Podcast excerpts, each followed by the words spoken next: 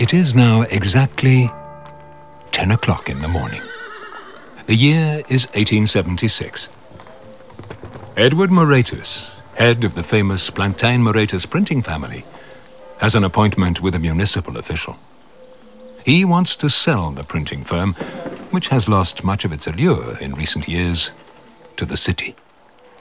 Edward is a Moretus through and through, an entrepreneur. No need to teach him about the art of negotiation. Well, well, well, well, well. Who do we have here? The municipal official. Welcome. I see you have already taken a seat.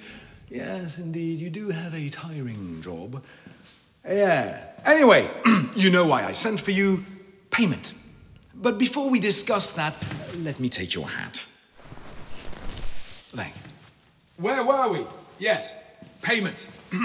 now, this will please you, sir, because it involves a large sum of money.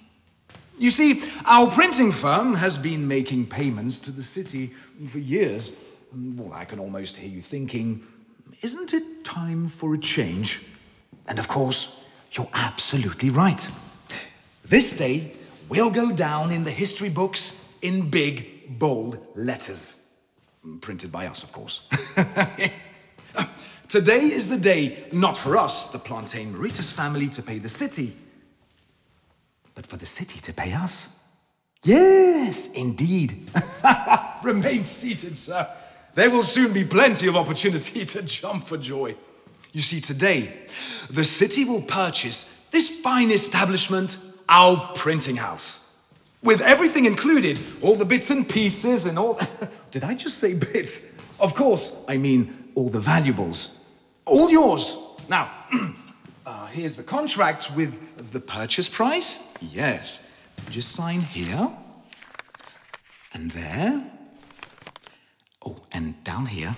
Yeah, all those little details. I know the price is on the low side, but our family is doing this for the city, you see. We're hmm, exceptionally generous. Now, you might be wondering does a city need a printing house? Very astute of you, sir. The answer is a city does not need a printing firm. You're absolutely right. That's precisely why you will be turning it into a museum. The Plantin Moretus Museum. Brilliant idea of yours, my good man. I see you're eager to sign. Very smart. A businessman must be able to act quickly. We don't want anybody else to get hold of the property now, do we? Congratulations! Now, hurry back to the town hall to share the wonderful news. Yes, yes, enjoy the rest of the day. Here's your hat.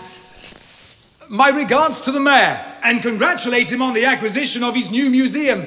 He will be delighted.